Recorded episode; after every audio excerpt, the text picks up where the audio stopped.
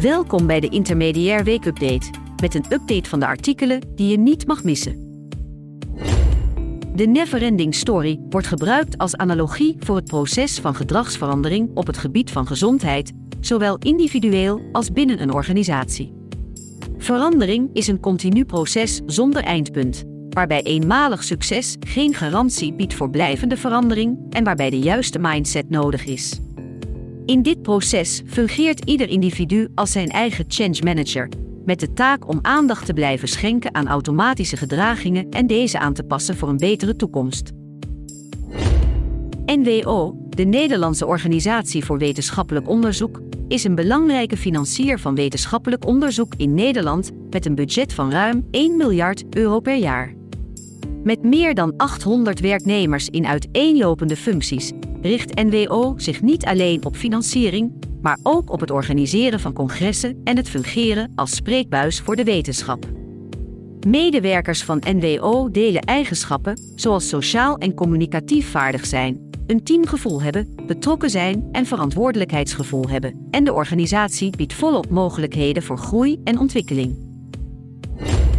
Door personeelstekorten in de kinderopvang en het begin van het griepseizoen kan het voorkomen dat kinderen onverwacht thuis moeten blijven, wat voor werkende ouders een uitdaging kan zijn.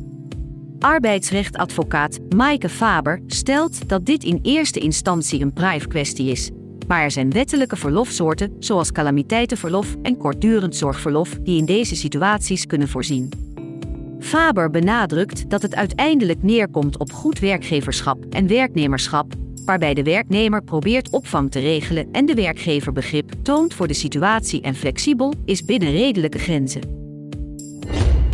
Het idee van rijk zijn varieert per persoon, maar vaak wordt het geassocieerd met het bezit van veel geld en luxe goederen. Om rijk te worden, wordt er gesuggereerd om een studierichting te kiezen die goed betaalt, hard en slim te werken, te investeren in zaken zoals vastgoed en het advies van financiële goeroes te volgen. Het is echter belangrijk om voorzichtig te zijn, aangezien het najagen van rijkdom kan leiden tot ongeluk als het niet lukt. Werkgeluk is cruciaal voor duurzame inzetbaarheid en het voorkomen van stress of burn-out. Aangepast werk, afgestemd op individuele behoeften en mogelijkheden, kan hierbij helpen, waarbij flexibele werktijden, andere taken of technologische ondersteuning enkele opties zijn. Het vinden van aangepast werk vereist een open dialoog met de werkgever, waarbij behoeften en wensen worden besproken en gezamenlijk naar creatieve oplossingen wordt gezocht die zowel de werknemer als de organisatie ten goede komen. Dit was de weekupdate van Intermediair.